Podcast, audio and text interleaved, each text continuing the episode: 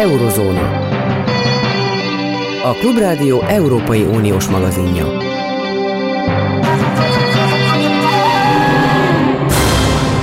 Jó napot kívánok, Zentai Péter vagyok. Le nationalisme, c'est la guerre nem tudok franciául, de ezt mindig megtanultam, mégpedig örökre megtanultam. François Mitterrand, ex francia államfő utolsó beszédében hangzott el, a nacionalizmus maga a háború. Egyetérte ezzel a kifejezéssel, kérdezem csak úgy spontán, mert egy perc ezelőtt még nem tudtam, hogy ezzel fogom indítani a műsort. Juhász József professzor, aki a Balkánnak a szakértője, a Balkánt én egy lőporos hordónak tartom mind a mai napig, és azt mondom, hogy le nationalisme, c'est la guerre. Mit szól ehhez, professzor úr? Jó napot kívánok! Jó napot kívánok! Szimbolikusan mindenképp, különösen ha a nacionalizmusnak ezt a politikailag bevett köznapi értelmét használjuk, tehát a szélsőséges és a politikai hatalom által sokszor kihasznált érzelmi hullámait. Teoretikus szempontból nézve a nacionalizmusnak ugye van más jelentése és egyszerűen vagy nemzeti mozgalom, de itt most nyilván nem erről van szó, tehát szimbolikusan ez sajnos mindenképpen megáll ez a Mitterrandi mondás, és elmondhatjuk azt is, hogy a a Balkán térségére nézve ez különösen igaz, mert minden ilyen, ilyen, ilyen szimbolikus kijelentésben persze ebben a bőporos hordó hasonlatban is van azért túlzás, de tényleg, hogy a, a, a balkáni térség az egy e, e, ismétlődő válságterület, és ennek ma is sajnos láthatjuk komoly jeleit. Magyarország felvállaltan nacionalista kormányjal bír, mondják a vezetők is, elismerik. Tehát nagyon aktív a Balkánon, ez már önmagában véve kérdőjeleket tesz a mondataink mögé, mert hogy, hogy mi, miért kavarunk mi, ez az egyik dolog, ebben talán nem akarom aktuál politikai dologba belevonni önt, de azért nyugodtan elmondhatja a véleményét. Másrészt pedig ugye a szerb nacionalizmus most, mint egyfajta reneszánszát ünnepli, mind Koszovóban, mind Bosznia-Hercegovinában, és hát tényleg mindjárt kezdődnek a harcok, úgy tűnik az egész. Tehát mit lát ebben a mai aktuális helyzetben, ami ezt indokolja? Először talán az első részéhez a kérdésének ez a magyar szerint. Ketté választanám. Én azt gondolom, hogy az a térség Magyarország számára szomszédként, gazdasági partnerként az ott élő magyarságra tekintettel ez egy nagyon fontos térség. Helyes, hogy a magyar külpolitikának ez egy centrumában van, ez kormányokon átívelő törekvés kell, hogy legyen. El is mondhatjuk, hogy többé-kevésbé az. Most emellett ugyanakkor van egy olyan síkja is, a, hogy a, a, a mostani magyar kormányzat azért nagyon ideológiai szemüvegen keresztül nézi ezt a kapcsolatépítést, olyanokkal tart fönn szerintem vitatható mértékű és jellegű kapcsolatokat, akik maguk is nagyon válságkeltő figurák a térségben, és itt most nem is annyira Vucicra és Szerbiára gondolok, hanem sokkal inkább Milorad Dodik boszniai szervezetőre, vagy korábban utalhatnánk itt mondjuk a Gulyevski ügyre. Tehát itt, itt van egy olyan aktuál politikai tartalma is ennek a kérdésnek, ami vitatható, miközben az, hogy ez egy fontos térség, és jelen kell, hogy legyünk, itt a magyar gazdaságnak versenyelőnye van, stb. stb. Ez egy akceptálható ö, szempont. Igen. A másik... Mondja, mondja, mondja, bocsánat, kérek, igen. Igen, a másik ez a szerb nacionalizmus reneszánsza. Ez igaz, de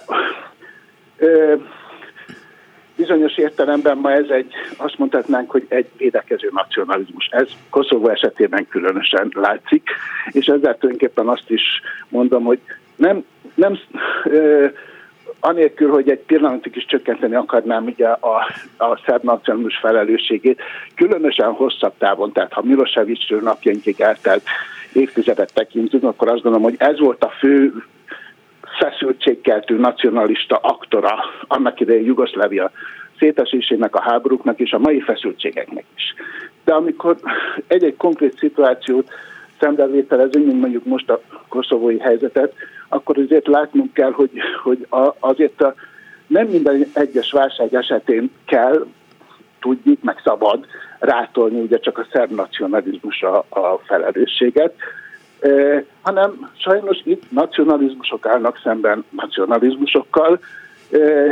A, egyiket sem tudjuk ebben az értelemben véve nem mondom folyamatosan hosszabb távon, vagy nem szabad egyik mellé állnunk még szimbolikusan sem, hanem ezt a kettőséget érdemes látnunk. És hát ezen belül, ugye, ami a szerb esetre vonatkozik, ott, ott azért azt látnunk kell, ugye, hogy jó részt ugyanaz ő hibájukból, meg a Milosevic aktivizmusára visszavetíthetően, de azért ugye a szerbséget az elmúlt évek, évtizedekben nagyon sok nemzeti vereség érte. Ha úgy veszük az egyetlen eredmény, ami, ami most kicsit idézőjelbe tévedt az eredményt, ugye a 91 után elkönyvelhetnek, az az, hogy végül is sikerült létrehozniuk Bosznián belül egy szerb részállamot, aminek nemzetközi elismertség, elismerése is van, ugye a Dayton Egyezmény óta, de egyébként vissza meg, körülnézünk, hogy, hogy mi történt Horvátországban, a boszniai háború egészében, mi történt Koszovóban, mi történt a közelmúltban Montenegróban, akkor, akkor itt verségek sorozata, ö, ö, sorozatát látjuk, és ez bizony frusztrálja és feszíti a szent közvéleményt sokszor, sokszor, nagyon sokszor tényleg vitatható lépésekre is sarkalva őket, és emellett, hogy ott van még az a tényező is, hogy ami Vucic politikájára azért nagyon jellemző, hogy amikor egy-egy krízis szituációba kerül, akkor különösen hajlamos arra, mint nagyon sok más ilyen karakterű politikus a világban, ugye, hogy a, a nemzetvédelmezőjének a szerepkörébe állítsa magát, és, és ugye maga, sokszor maga is a helyet, hogy enyhíteni a feszültségeket, inkább élezi. Ennek most markáns jele azért ugye az az, hogy a iskolai lövöldözések az megvendítették a szerb közvéleményt, ismétlődően nagy tüntetések voltak, többen jelentek meg az ellenzéki tüntetéseken, minden reális becslés szerint, mint Vucic pénteki nagygyűlésén, és ebben a helyzetben, és meg amikor éppen új nemzeti mozgalmat akar létrehozni, ugye ezt bejelentették, ő kifejezetten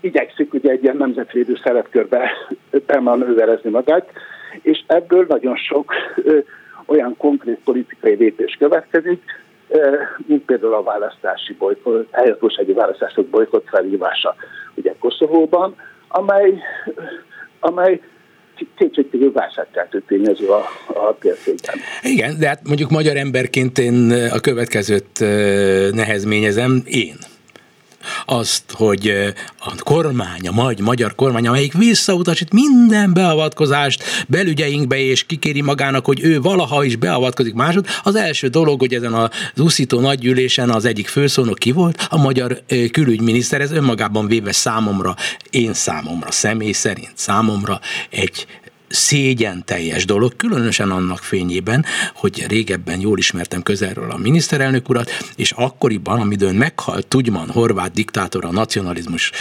egyik mintapéldánya, akkor azt mondta, hogy ő számára nincs más politikus, mint a legnagyobb élő, addig élő politikus, aki az őt mestere, az Tudjman, a nagy szerb falú Tudjman. Most hirtelen Szerbia, ami legnagyobb barátunk, hirtelen. Hát ez, ez, ez micsoda, tessék nekem elmondani. Uh, ugye én is azt gondolom, hogy, hogy erre nem volt szükség. Tehát, hogy egy ilyen formában jelenjen meg a magyar külügyminiszter és beszéljen a nagygyűlésen. Hárman voltak ott tulajdonképpen, ugye Vucic, Dodik és, és ő. Ez a, ez a lázas szerb-magyar barátság, mondom, miközben egyébként sok szempontból, tehát még egyszer mondom, ez egy helyes irány, hogy a két nép, két állam között szoros baráti kapcsolat legyen. Na, na, persze, hogy fontos, persze. És, és azt is hozzá kell tennünk, ugye, hogy a Ucsics korszakban történt néhány olyan nem jelentéktelen lépés, amit a korábbi kormányzatok soha nem tettek meg, mint például ugye a 44-45-ös tisztogatások miatti bocsánatkérés, kölcsönös bocsánatkérés, de ugye a magyar rész ez korábban is többször meg, megtörtént. Kétségkívül, hogy a, a kisebbségpolitikai szempontból is történtek lényeges előrelépések, ezt is látnunk kell azért emögött az intenzív kapcsolatok mögött. Ugyanakkor azonban az elsődleges okát én is abban látom, ugye, hogy van egy nagyon szoros ö, ö, politikai komplementer jelleg és ideológiai rokonság mondjuk Magyarország és Szerbia között. Ez az illiberalizmusnak, a, a, az úgymond racionális nacionalizmusnak a mentén ö, érzékelhető. Ez az ideológiai rokonság nagyon erősen jelen van. Szerintem kitapintható egy olyan törekvés is a magyar fél részéről, hogy ugye a Jugoszlávia felbomlásával keletkezett sok kis állam a bomlott térségben egy ilyen regionális vezető szerepre tegyen szert. Szerb részről nagyon értékelik, ugye, hogy ilyen-olyan vagy amolyan oknál fogva, de ez szerb szempontból most másodlagos. Magyarország valóban lobbizik azért, hogy ugye a Szerbia uniós tag legyen, ez még a Vucic kormányzat számára is fontos, és ezek együtt összeállítanak egy olyan szoros barátság, vagy szoros tandemet, néha triót, ugye ha a boszniai szem szereplőst is nézem, amely, amelynek a, mondom, Igen. szerintem van egy racionális magva, de túl van hajtva, és, és Magyarországot sajnos nem is annyira Szerbiával és Vuciccal, hanem inkább a boszniai szerb köztársasággal és magyarázodik kapcsolatban. Magyarországot úgy tünteti fel, és koráncsavak nélkül, mint a a balkáni bajkeverék egyik mentorát. Uh-huh. Egyébként ugye azért van egy szerb revizionizmus is, függetlenül attól, hogy lehetséges, fogalmam nincs, hogy igazuk is van egy csomó dologban a szerbeknek, és nehezményeztek dolgokat, amiket az albán nacionalisták és a többi nacionalisták csináltak, de ez, csak aláírja azt, amit mondott a, a jóságos és ám de sajnos meghalt Mitterrand, hogy le nationalisme, c'est la guerre. Tehát nacionalizmus az egyik ilyen, a másik, mind a kettő egymásnak fog menni, úgyhogy a jövőben csupa háború lesz, hogyha mindenütt ilyen nacionalisták lesznek hatalmon. Ez borítékolhatom, én mondom én.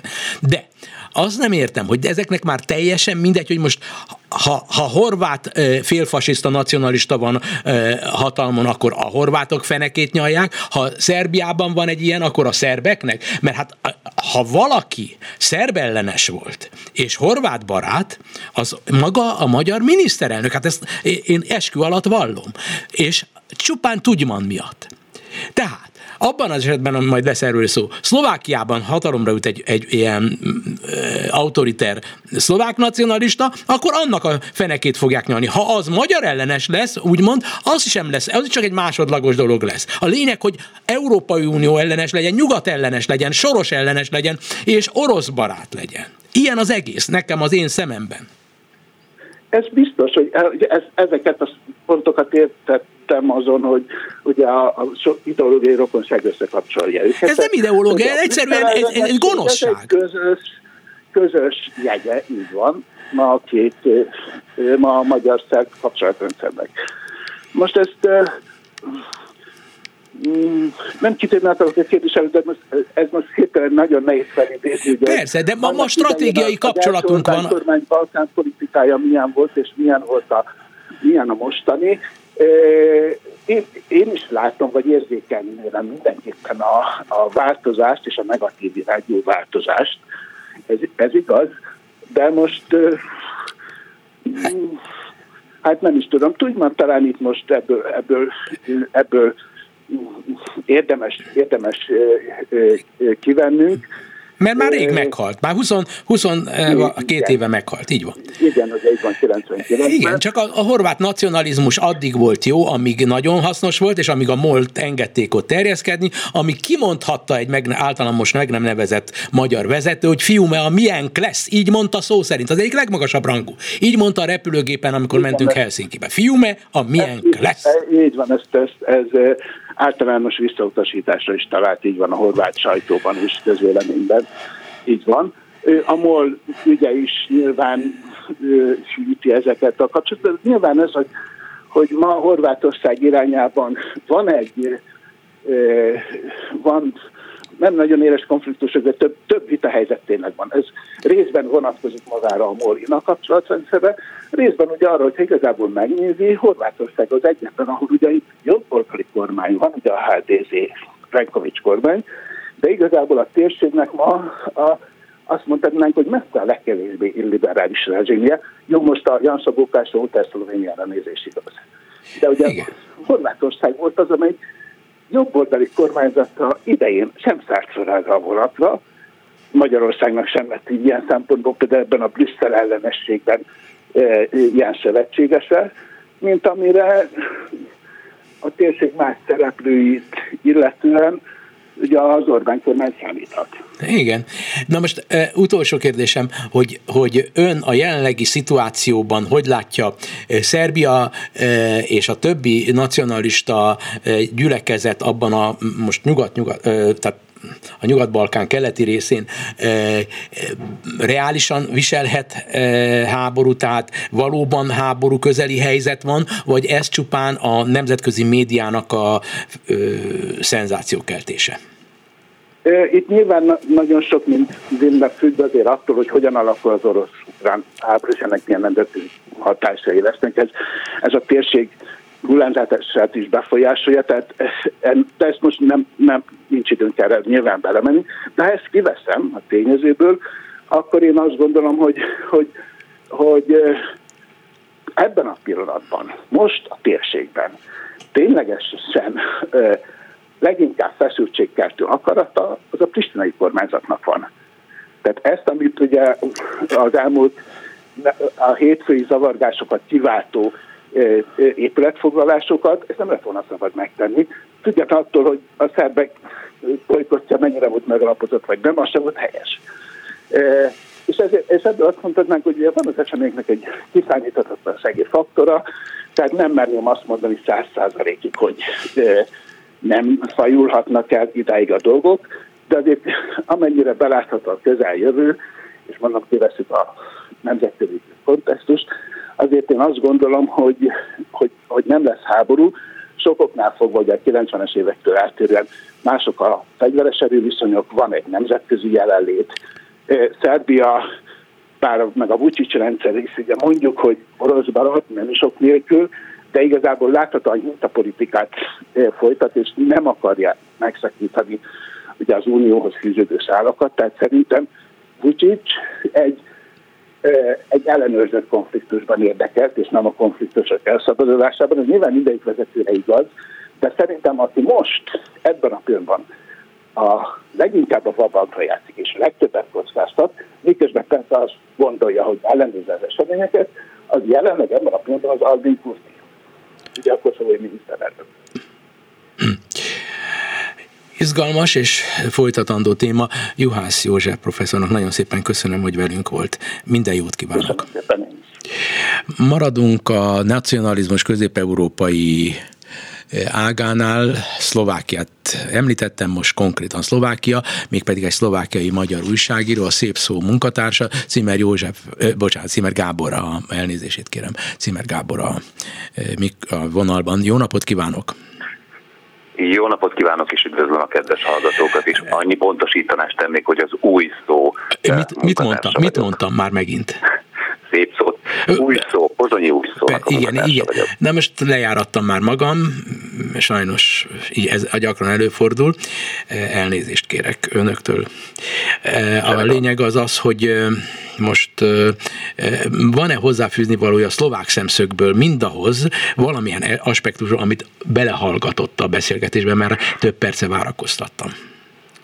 Um Szlovákiában is egy érdekes helyzet alakul ki, ugyanis szeptember 30-án előrehozott parlamenti választást tartanak az országban. Ugye ez abból adódik, hogy a 2020-as parlamenti választás után kialakult kormányok, nem, ugye több kormányról van szó, amelyet először Igor Matovics, majd pedig Eduard Heger vezetett, ezek gyakorlatilag megbuktak, így a négy éves időszakot nem tudják kitölteni, és szűk három év után előrehozott, vagy hát előrehozott parlamenti választást tartanak majd Szlovákiában. A jelenleg úgy tűnik, legalábbis a közvéleménykutatások szerint, hogy a legnépszerűbb párt az a Robert Fico által vezetett Smer, vagy esetleg magyar fordítva irányként ismert magát szociáldemokratának nevező párt, de erősen orosz barát és nacionalista nézeteket népszerűsítő, illetve ezekkel kampányoló szubjektum, amely 17,7%-on áll a legutóbbi felmérések szerint, bár ez már nagyjából egy hónappal ezelőtt történt ez a felmérés. Így gyakorlatilag Robert Fico, amely, vagy hát aki Oroszország irányába is pozitív jelzéseket küld, illetve igyekszik nacionalista húrokon játszani, nagy valószínűség szerint, vagy megnyerheti a közelgő parlamenti választást. Ezzel kapcsolatban egyébként érdekes tény, hogy a magyar kormány igyekszik jó kapcsolatot kiépíteni Robert Ficoval, illetve az általa vezetett Smerrel. Szijjártó Péter tavaly decemberben járt Pozsonyban, amikor nem kis meglepetést és megütközést okozott Szlovákiában, hogy a Smer székházában Robert Ficoval közösen tartott sajtótájékoztatót, ugye a Smer most egy ellenzéki párt, illetve a legerősebb párt és ellenzéki párt. Mert mi nem szoktunk beleavatkozni más országoknak a belügyeibe, ezt ön is tudja. Mondom így van, így van, tehát ez volt az a pillanat, amikor az akkor még hivatalban lévő szlovák külügyminiszter Rastislav Kácser azt nyilatkozta a sajtóban, hogy amikor tudomást szerzett arról, hogy a magyar külügyminiszter Szijjártó Péter az ellenzéki Smer vezetőjével, az ellenzéki orosz barát, gyakran dezinformációs narratívákat terjesztő Smer vezetőjével közös sajtótájékoztatót tart a Smernek a székházában, akkor bizony Kácsor azt mondta, hogy be kellett dobnia egy dzsint Uh-huh. Erre azt mondják itt Magyarországon, hogy részeges a volt külügyminiszter. Körülbelül ezen a szinten szoktak vitatkozni a, a, a, a ellenfeleikkel. De most egy, azt szeretném megkérdezni, hogy várna egy picit türelemmel, e, híreket mondunk, és folytatjuk ezt a beszélgetést, jó? Köszönöm. Rendben. Eurozóna. A Klubrádió Európai Uniós magazinja.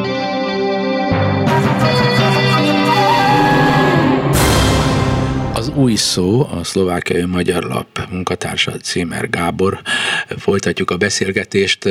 Kacser volt külügyminiszter önmagát magyarként is megfogalmazta egy beszélgetésben, sőt beszélgetésben is, lehet, hogy valóban, sőt biztos magyar származású ember. Minden esetre az önök lapjában nagyon keményen bírálta szerintem a, a magyar kormánynak az átfogó külpolitikáját. Ezzel ő tulajdonképpen maga alatt vágta a fát, vagy pedig föl tud rázni embereket egy most már nem hivatalban lévő szlovákiai külügyminiszter, aki történetesen magyar? Én azt gondolom, hogy Rastislav Kácsernek mindenképpen az volt a célja, hogy ezekkel a nyilatkozatokkal valamilyen értelemben fölrázza akár a szlovákiai vagy a szlovákiai magyar, vagy akár a magyarországi nyilvánosságot. Ugye Rastislav Kácser kijelentette, vagy hát így fogalmazott, hogy ha Vladimir Putyin Ukrajnában sikerrel járt volna, akkor a magyar kormány területi követeléseket jelentene be Szlovákiával szemben. Ugye ez egy nagyon-nagyon súlyos állítás, és a lapunknak adott beszélgetésben Kácser kiállt uh, emellett az állítása mellett, tehát nem, nem visszakozott, uh, azt uh, magyarázta, hogy a magyar kormánynak a viselkedése az arra enged következtetni, hogy igenis bizonyos körülmények között akár területi igényeket fogalmazhat meg a magyar kormány Szlovákiával vagy a környező országokkal, Magyarország körüli országokkal szemben. És tényleg egészen biztos vagyok benne, hogy Kácser, tehát volt külügyminiszter, ezeket komolyan gondolja, és mindenképpen az volt a célja, hogy ezzel fölrázza a, a nyilvánosságot, akár a szakmai nyilvánosságot, meg kell azonban mondani, hogy Kácsárnak ezen nyilatkozatai a nyilvános szlovákiai politikai megnyilatkozások szintjén nem azt váltották ki, hogy a különböző szlovák politikusok egymást követve beállnak Kácser mögé, és valamilyen értelemben kifejezik az egy, egyetértésüket az ő nyilatkozataival. Inkább a hozzá politikailag is közel lévő szereplők azok sokkal diplomatikusabb, meg sokkal diplomatikusabban fogalmaztak. Nem álltak ki egyértelműen, ugye az akkor még külügyminiszteri tisztségben lévő Kácser mellett, és legutóbb Iván Korcsok, aki szintén külügyminiszter volt Szlovákiában, a lapunknak úgy nyilatkozott, nem akarja tovább elemezni kollégájának és barátjának, Rastislav Kácsernek a magyar revízióra vonatkozó jelentéseit, nagyon kellemetlennek tűnt számára, vagy kell, úgy tűnt, hogy nagyon kellemetlen számára arról beszélni, hogy Kácser milyen súlyos jelentéseket tett. Mhm. De hát most ugye, amit az önök lapjának megerősített, az valójában már nem e, miniszterként mondta, egyébként csak megjegyzem, hogy történelmi tapasztalataim a kommunizmus idejérből, és amiket olvastam a háború előtti e, időkről, akár a náci Németországgal kapcsolatosan, akár a, a sztálini Szovjetunióval kapcsolatban, mindig az van, hogy az első olvasat a lényeg, az jön be, tehát én a legrosszabb ómennek tartom azt, hogy ebbe a dologba nem álltak mögé, mert lekicsinyilik az igazi veszélyt kiáltót. Mindig. Mindig ez történik. És az következik be, amit a veszélyt kiáltó mond. Nem akarok ebbe tovább belemenni, mert ezt mindenki úgy értelmezze, hogy akarom, de ezt utána lehet nézni, dokumentálni lehet.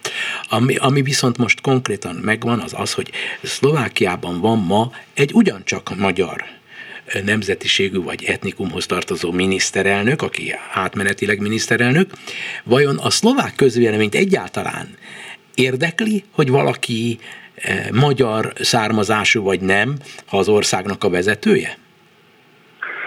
Valóban Ódor Lajost, a Szlovák Nemzeti Bank korábbi alelnökét nevezte ki Zuzana Csaputová köztársasági elnök a néhány hete hivatalba lépett hivatalnok kormány miniszterelnökévé. Ódor Lajos Komárom környékéről származik, magyar iskolákba járt, magyar nemzetiségű, tehát anyanyelve magyar.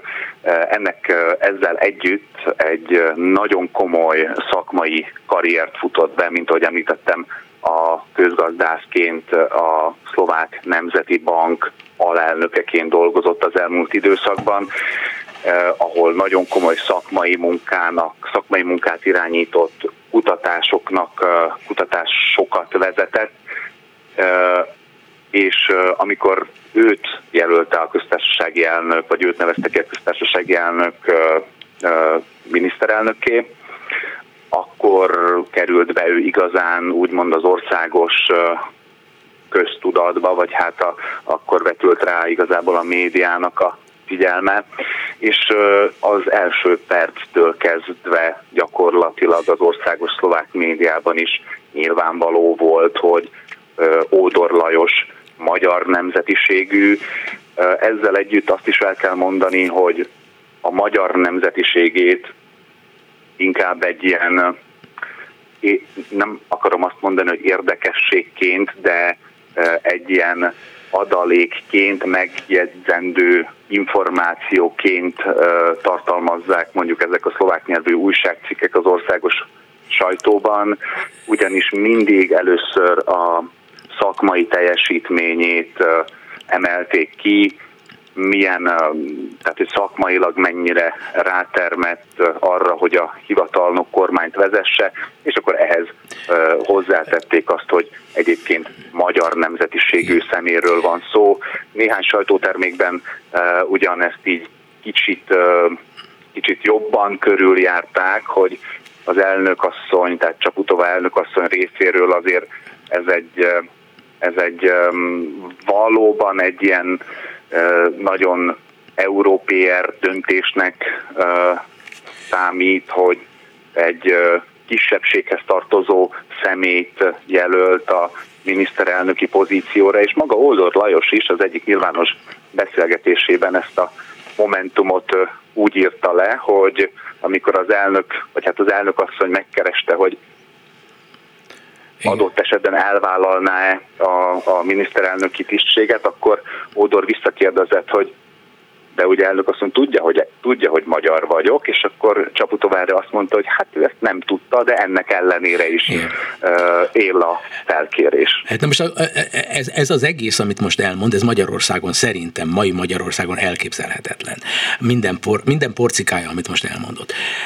Ebb, Odor Lajos egyébként úgy mondják, nyilván kis túlzással, hogy az a szlovákiai euró atya. Tehát, hogy Szlovákia tagja az, nyugat-euró, az nyugat-európai tömb alapját képező valaminek. Ez, ez, ennek a politikai jelentőségét nem lehet kellően hangsúlyozni. Szlovákiában nem érzi úgy, hogy mindent egybevetve a dolgok legvégén már arról van szó, hogy stabilizálódott hogy ez az ország egy európér, nyugat-európai ország, már pedig igenis az eurónak köszönhetően. Tehát a Ficó csinálhat, amit akar. Annak meg kell buknia, hogyha ezt a baromságot folytatja. Ezt gondolom én. Mert az objektív környezet, a valóság nem engedi, hogy Orbán legyen. Gondolom én. Nagyon jó lenne, hogyha ez, ezt így le lehetne szögezni. Én ezzel azt gondolom, hogy ezt így, tehát tényként kijelenteni nem lehet. Szlovákia történelmében valóban úgy tűnik, hogy egy fordulópontot fog jelenteni, vagy hát egy válaszutat fog jelenteni a szeptember 30-ai választás, amikor is, ha olyan erők kerülnek a hatalomba, amelyek amelyek az országot akár geopolitikai értelemben 180 fokkal megfordítják, vagy fogalmazzak így, a Magyarországihoz hasonló geopolitikai irányultságba állítják be, akkor én nem gondolom azt, hogy a szlovák intézményrendszer beleértve egyébként azt is, hogy az eurozónának a tagja, az olyan erővel rendelkezik, olyan ellenálló erővel bír, hogy egy ilyen hatást ki tudjon, ki tudjon védeni.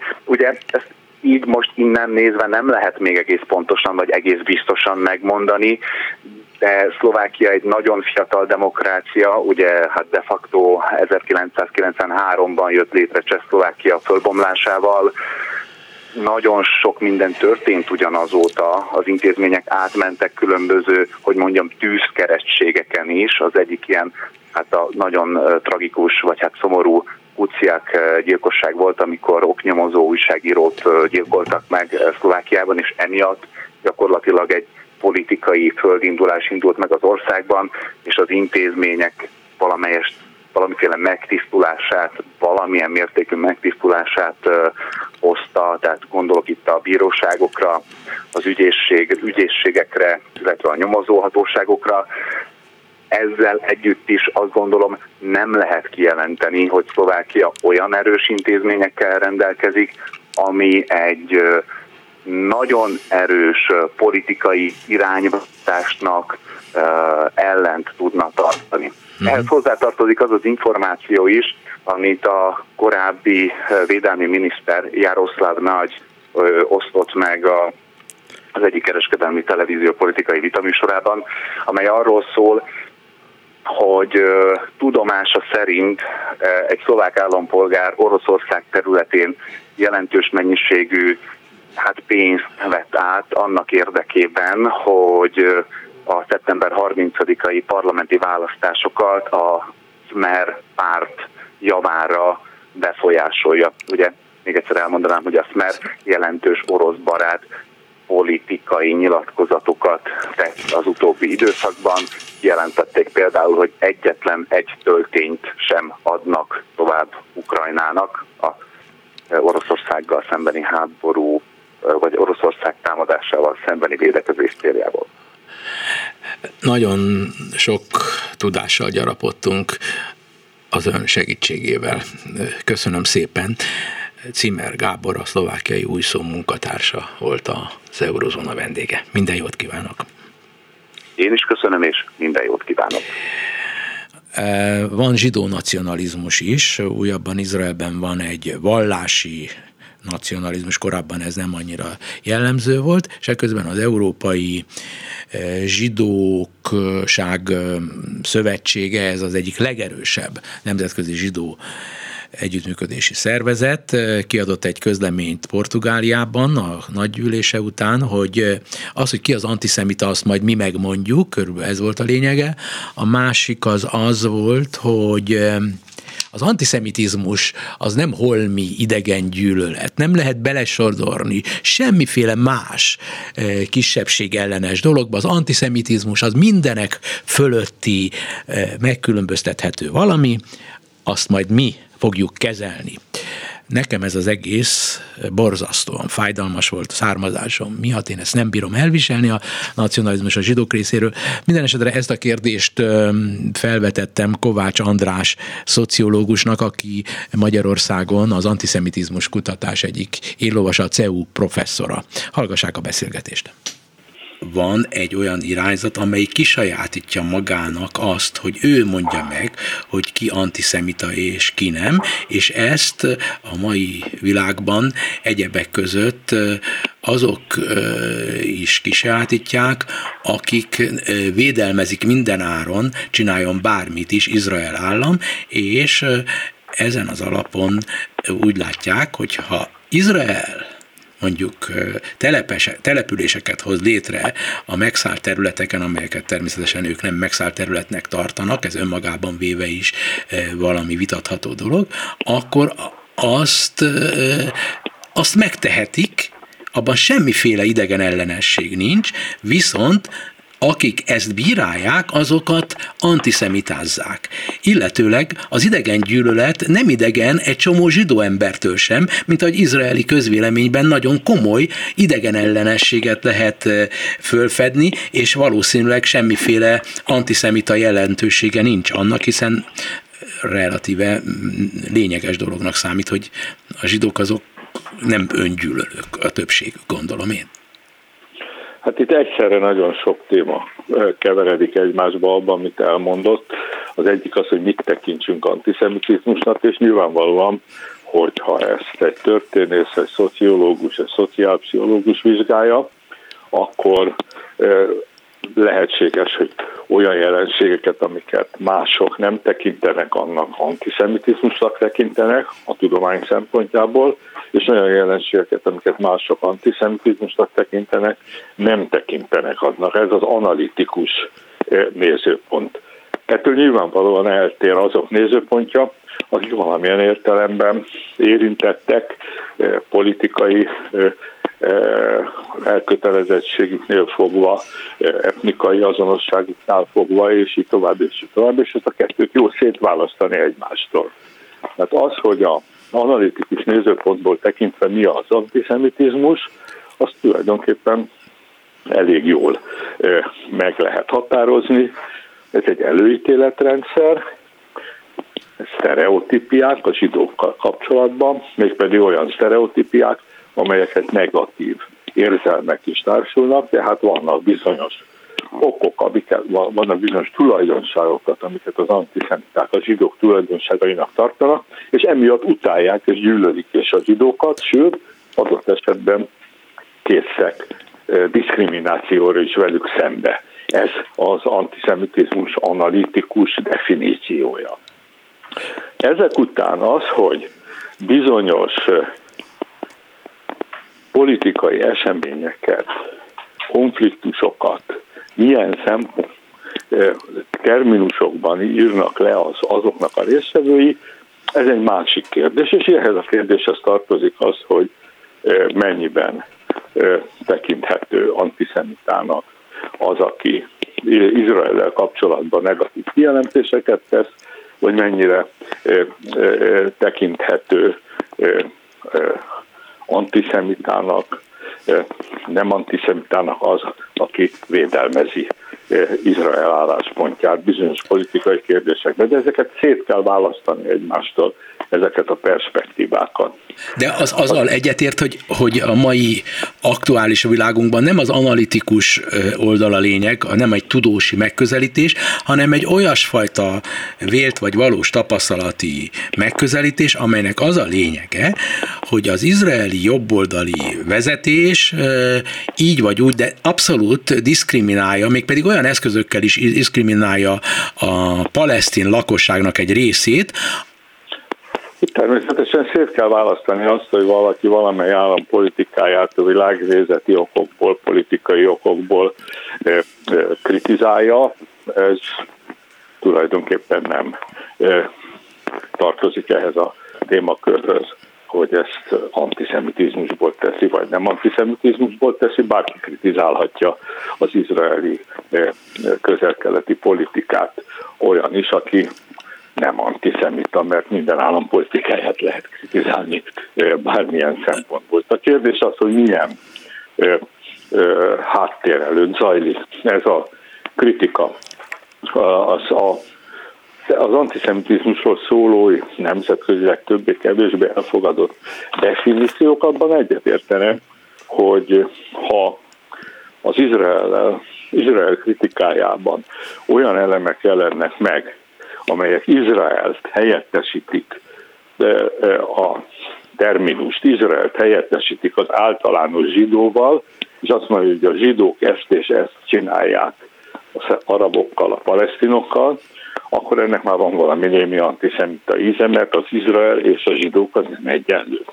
Vagy ha valaki azt mondja, hogy a zsidók ugyanazt teszik a palesztinokkal, mint amit velük tettek a nácik, ennek is van antiszemita íze, mert nem a zsidók tesznek semmit, nincs olyan, hogy kollektív zsidó, aki tesz valamit, hanem ez egy politikai kérdés.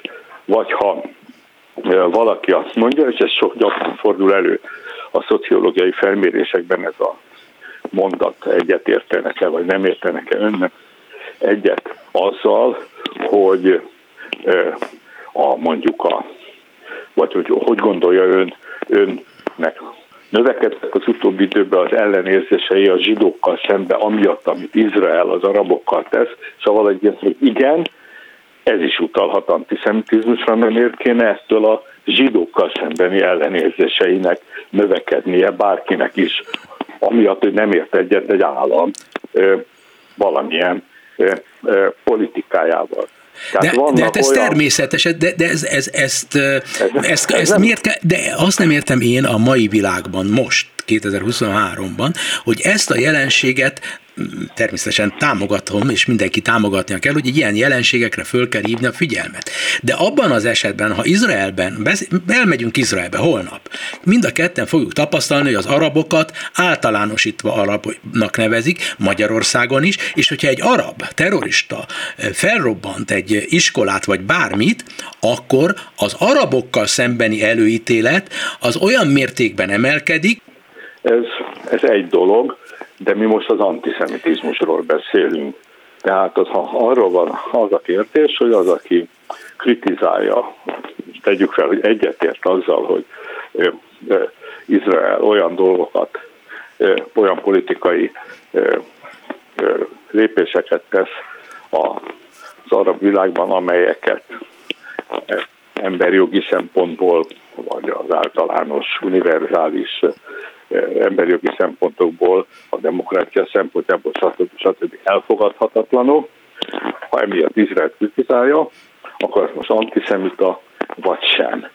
E, erről beszélünk. Ebből a szempontból nézve, ha valaki e, azt mondja, hogy Izrael ugyanazt teszi az arabokkal, mint a, a nácik tették ő vele, ez lehet egy történelmi hülyeség, de lehet, hogy ezen a módon könnyebben ki tudja fejezni antiszemita érzületeit, hiszen egy ilyen mondatot legitim nyilvánosan elmondani, még azt, hogy utálom a zsidókat, kevésbé legitim. Ahhoz mit szól, hogy például Magyarországon is nagyon komoly vitákat kavart, nem nagyon komoly, sajnos nem nagyon komoly vitákat kavart, a kormánynak a soros ellenes kampányának plakát része. Ugye azok a plakátok az én és nagyon sok külföldi látogatóval beszélgettem, függetlenül, hogy zsidó, nem zsidó, mind megállapították, hogy ez egy tipikusan antiszemita plakátkampány volt. Most nem menjünk bele a részletekbe, ezt mindenki tudja. Most ez itt a soros kampány esetében is egy ilyen tipikus példája jelent meg annak, amiről én az előbb beszéltem, és pedig ez az volt, hogy valóban azok a sztereotípiák, amely a Soros Györgyöt ebben a kampányban ábrázolták, ugye ez a ne, gyökértelen, kozmopolita, a világ dolgainak befolyásolására rejtett mozgósító személy képe, ez tökéletesen megfelel a klasszikus antiszemita zsidóképnek, amiket hát visszamenőleg sok-sok évtizedre, vagy akár évszázadra is ismerünk. Tehát akik úgy dekódolták ezt, hogy emögött antiszemitizmus van, azok nem tévedbe, nem követtek el dekódolási hibát. Másfelől viszont ugye az a szó zsidó, az soha nem hangzott el Sorossal kapcsolatban ebben a kampányban, és ezért azok, akik azt mondják, hogy hát hol van itt szó zsidókról, itt egy hatalomra törő amerikai mágnásról van szó, azok sem követtek el dekódolási hibát teljesen.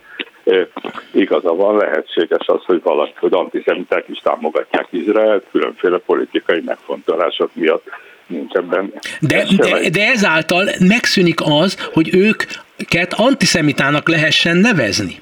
Hát Tehát a kutató meg... megnevezheti, de valójában a legnagyobb sértésnek számít, hogyha de antiszemitának nevezem azt, aki antiszemita.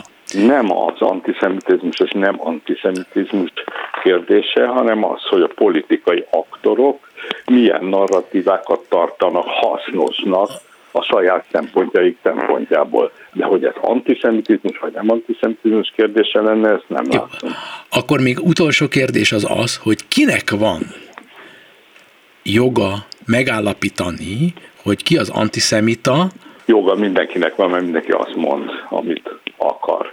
De az, hogy igaza van-e, azt nem ő dönti el, hanem Igen. az, hogy igaz, igaza van-e, az különböző más szempontok alapján lehet eldönteni. És az egyszerű halandó, ez persze nehéz kérdés, hogy az egyszerű halandó számára milyen eszközök állnak rendelkezésére, hogy eldöntse, hogy ha valakiről azt mondják, hogy antiszemita, vagy valakiről azt mondják, hogy nem antiszemita, most akkor ez igaz, vagy nem igaz kijelentés.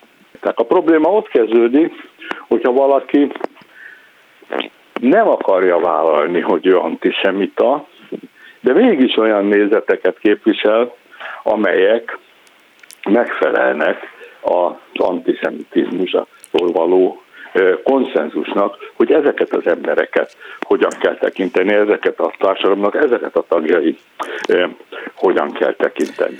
De Ez viszont már egy bonyolultabb kérdés. Igen. Befolyásos emberek, akiknek komoly e,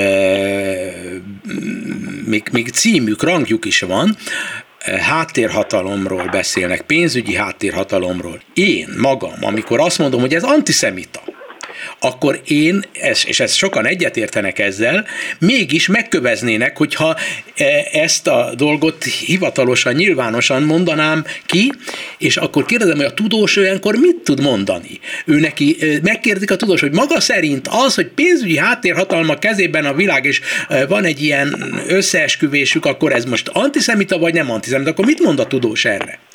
Hogy vélelmezhető, hogy emögött antiszemitizmus áll, de magából egy mondatból, egy kijelentésből nem vonhatunk le ilyen következtetéseket. Tehát az, hogy egy ilyen nézetrendszer egy adott csoporttal szemben létezik, az nem egyedi, és emögött valóban feltételezhető tehát előítéletesség, antisemitizmus, vagy bármilyen más előítéletesség, és a, a tudósnak, tehát az analitikusnak is készen kell állni arra, hogy úgy fogjon az ilyen jelenségek elemzésébe, hogy abból a előfeltevésből induljon ki, azt vizsgálja meg, hogy vajon ez az ilyen dupla fenekű kijelentések mögött tényleg ott van-e, vagy talán ahhoz a kisebbséghez tartozik, akik ugyan rengeteg hülyeséget beszélnek, de mondjuk nincs bennük